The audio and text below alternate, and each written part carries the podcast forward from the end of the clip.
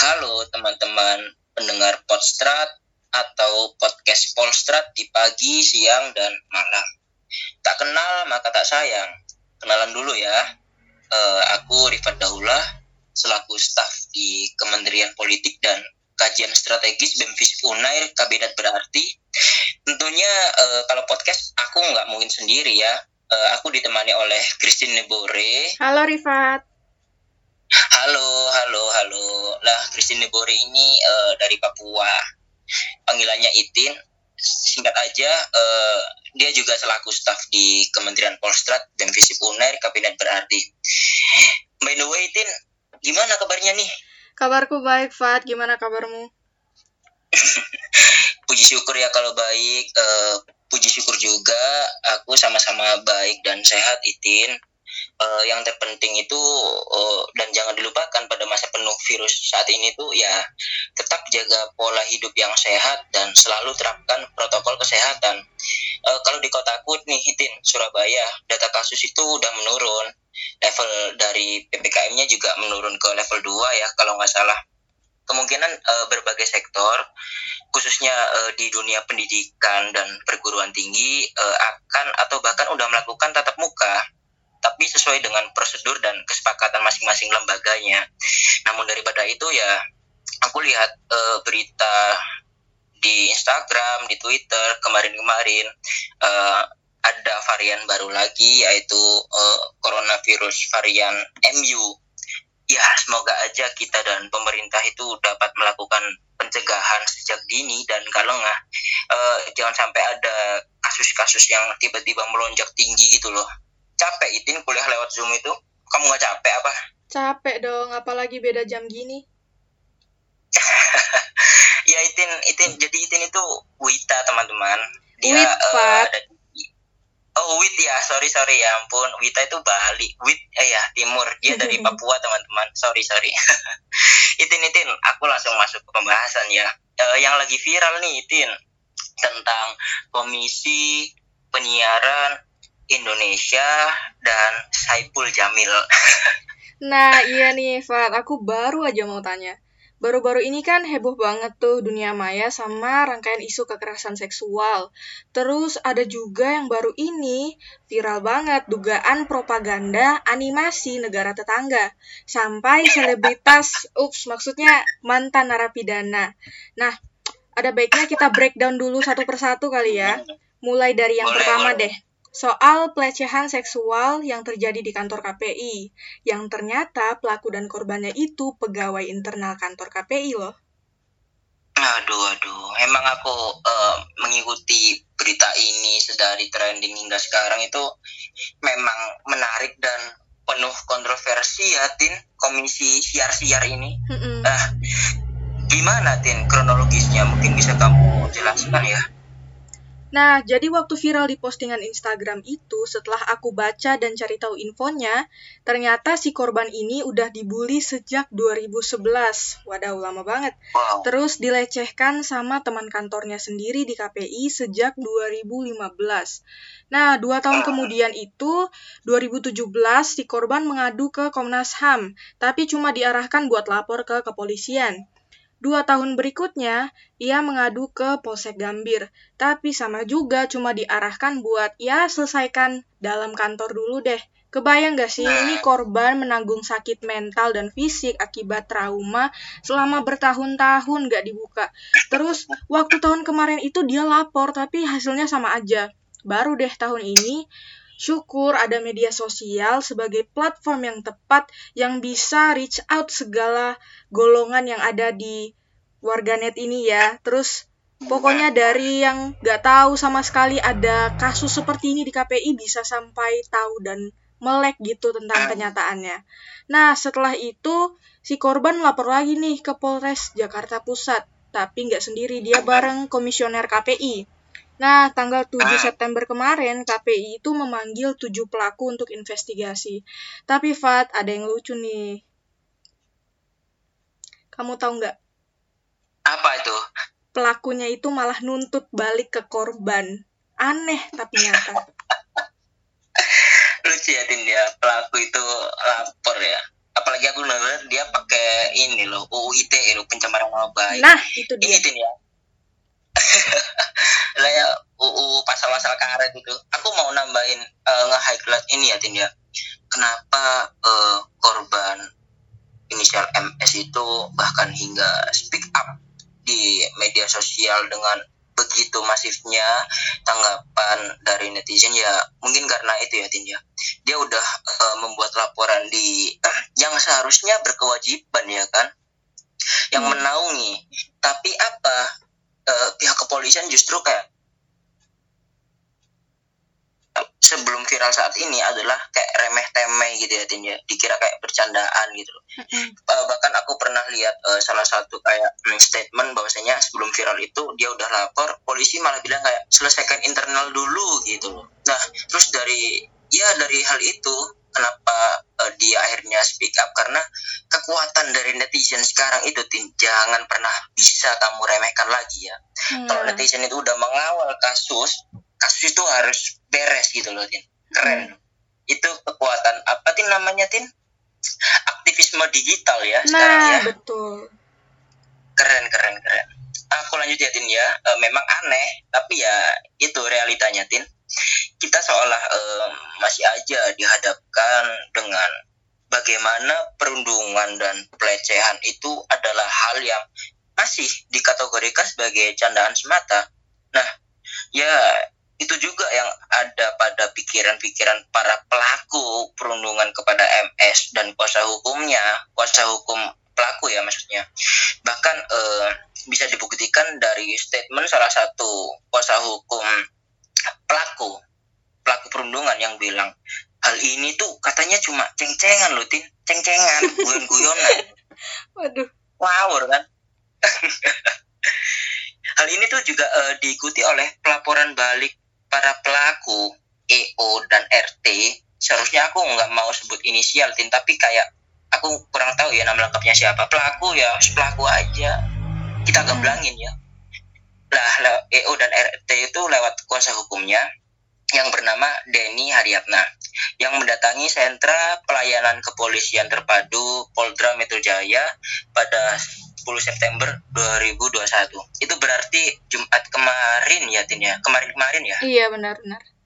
Eh, pokoknya di bulan ini 10 September ya sekarang eh, iya ya benar-benar kata kuasa hukum para pelaku perundungan dan pelecehan ini eh, kliennya itu si pelaku merasa dirugikan imaterial akibat rilis dari korban MS yang mencatatkan nama-nama pelaku secara gamblang sehingga para pelaku ini eh, menerima cyberbullying gitu loh Tin kalau kataku sih ya ini dari karma ya Ya emang pantas.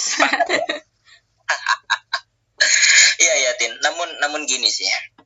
MS eh, selaku korban juga sempat dipanggil oleh internal KPI untuk melakukan eh, ibaratnya penyelesaian masalah secara damai.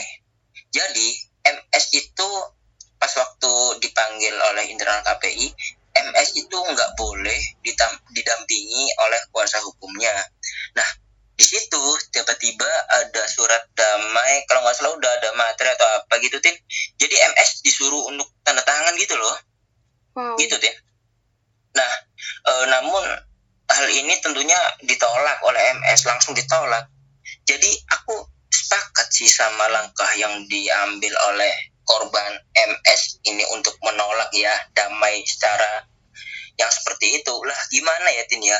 Perundungan yang korban rasakan dan alami di KPI saat bekerja itu udah berlangsung berapa tahun loh Mm-mm. lalu langkah-langkah lah ya langsung lalu langkah-langkah yang ditempuh oleh MS sebelum melakukan rilis yang viral saat ini juga malah mendapat tanggapan remeh kan dari kepolisian dan KPI kayak yang aku jelaskan sebelumnya malah eh, apa konklusi yang diberikan KPI sebelum viral ini tuh cuma apa korban ini cuma dipindah ruang aja tin dan itu nggak menyelesaikan masalah Aduh, parah banget sih.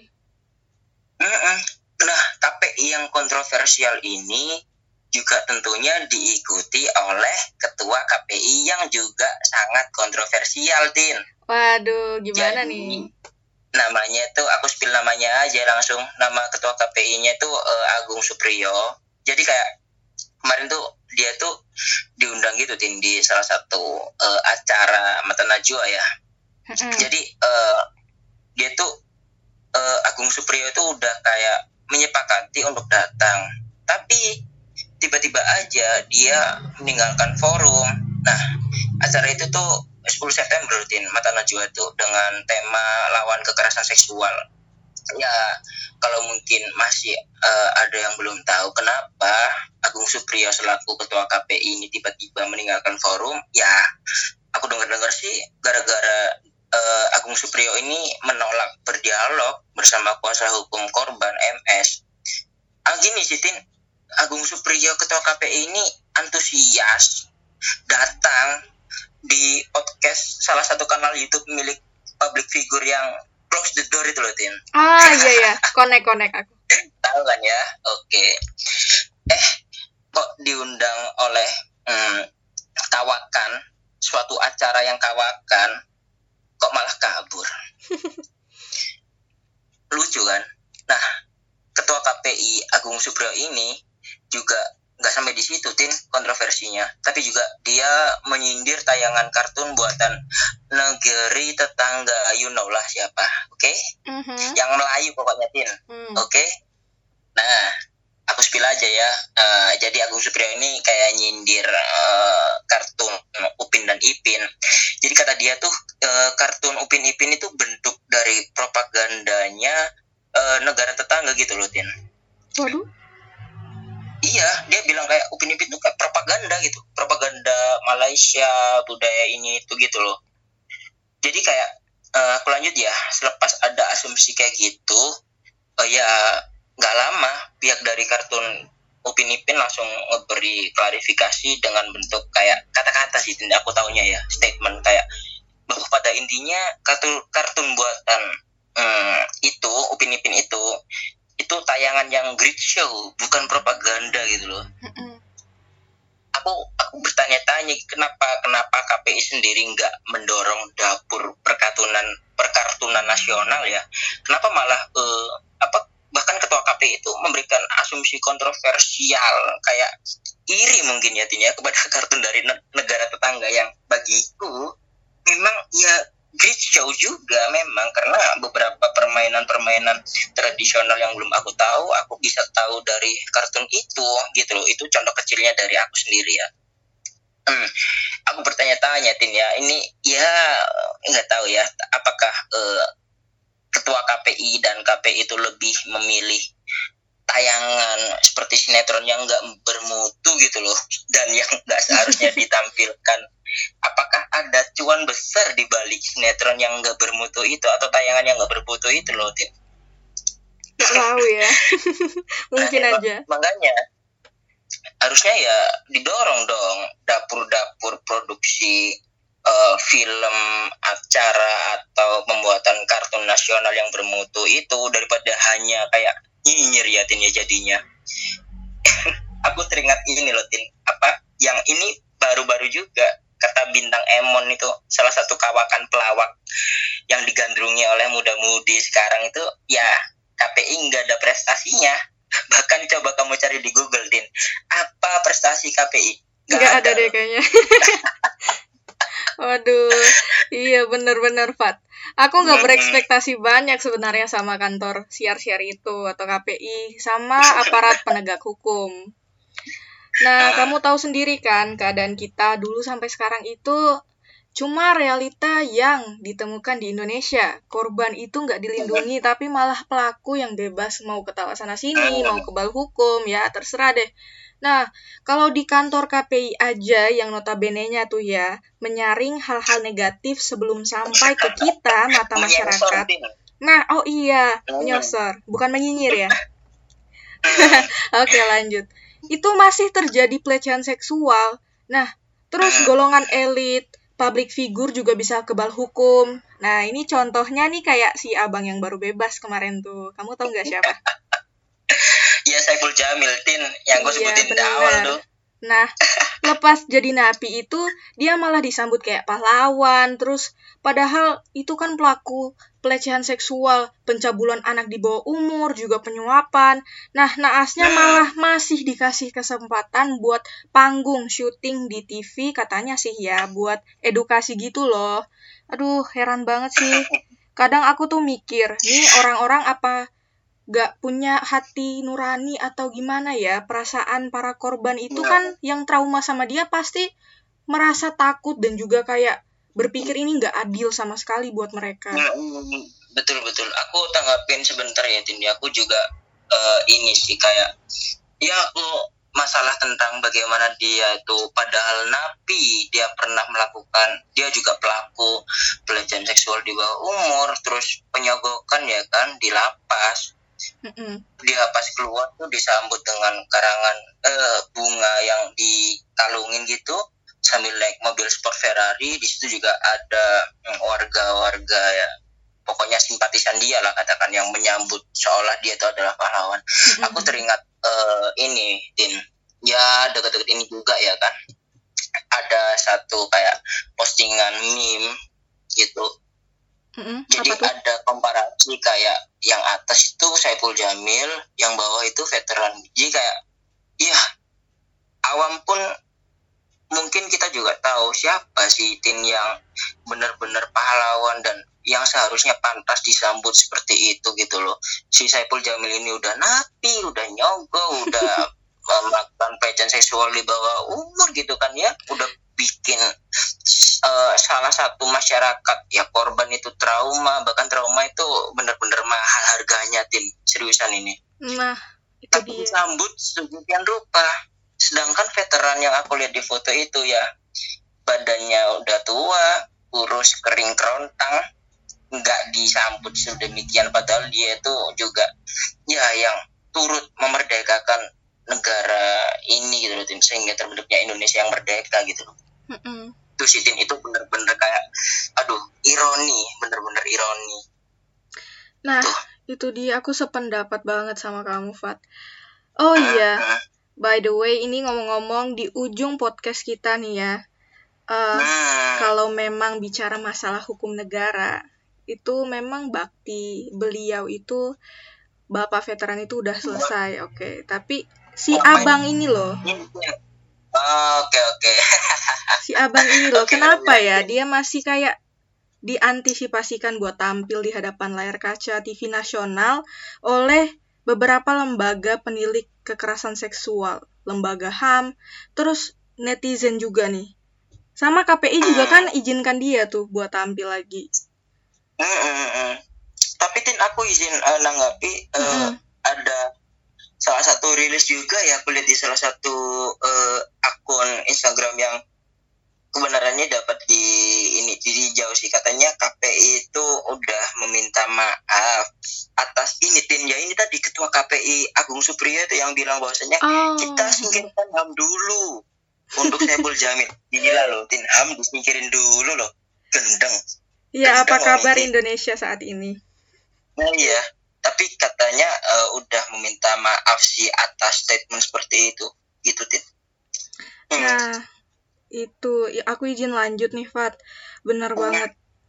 Kayak sekelas KPI gitu aja apa ya tidak bisa merealisasikan sesuatu yang benar-benar pantas buat masyarakat Indonesia kayak gitu. Sebenarnya bukan KPI aja sih. Pokoknya banyak banget yang timpang di negara kita saat ini. Nah, kalau misalnya kita bandingkan nih, kita komparasikan sama negara-negara luar, kayak Korea Selatan dan lain sebagainya itu Malah ada tuh pelaku kekerasan seksual atau pelecehan seksual yang walaupun dia udah dihukum di penjara, pas keluar itu dia nggak bebas gitu aja keliaran. Dia tuh dikaitkan sama semacam gelang pelacak gitu. Jadi pemerintah bisa tahu dia tuh di mana dia ngapain apa, apa aja sih yang dia buat kayak dia buat tindak kriminal lagi nggak. Terus ya menurutku ya, pemerintah ini seharusnya bukan lebih sadar lagi harus ngaca deh ngaca gimana semengerikannya kejahatan seksual itu sehingga jangan dianggap sepele. Supaya apa? Supaya ruang publik di mana pun kapan pun kita berada itu kita merasa aman. Nggak usah takut karena akan diginikan digini. Aduh capek banget.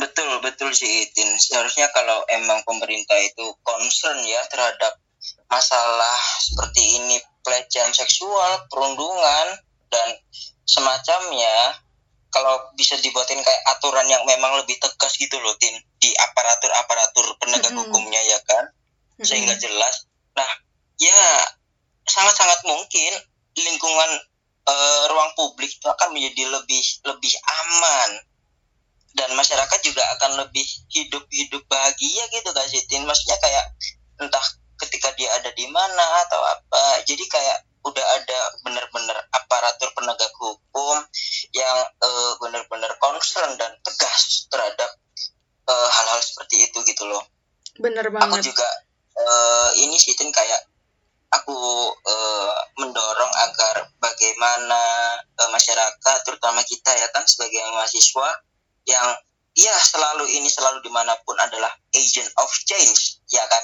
Nah, sangat-sangat pasaran kata-kata itu agent of change. Jadi kayak kita seharusnya bisa memberikan eh, pemahaman dan edukasi edukasi ya eh, ke masyarakat secara umum bahwasanya apa sih bentuk dari pelecehan seksual itu? Gimana sih semengerikan apa sih pelecehan seksual itu terhadap eh, yang dirugikan gitu loh Tin. Apalagi men- men- eh, mencatut masalah mental dan sebagainya. Itu itulah seharusnya eh, peran kita sebagai agent of change ya salah satunya di situ Tin. Kita bisa memberikan pemahaman sehingga masyarakat luas itu bisa lebih benar-benar concern dan awas-awas terhadap hal-hal seperti ini di mana pun dan kapan pun gitu Tin. Oke Tin ini kayaknya kita udah selesai ya Iya sih, udah. Aduh, asik banget sih ngobrol dari tadi. Mm-mm, bahas-bahas KPI ya kita bawakan secara singkat ya memang kontroversinya ya bisa kalian cari sendiri aja kalau memang belum puas lalu kalian bisa membatin dalam hati kecil kalian atau kalian bawa eh, ke dalam tongkorongan terserah Asik. kontroversial Re. oke oke aku mau menutup tapi aku punya pantun singkat ya Wih, apa nih? buah manggis, buah pepaya. Sampai Cakep. jumpa di podcast Polstrat selanjutnya ya. See you teman-teman. Terima kasih.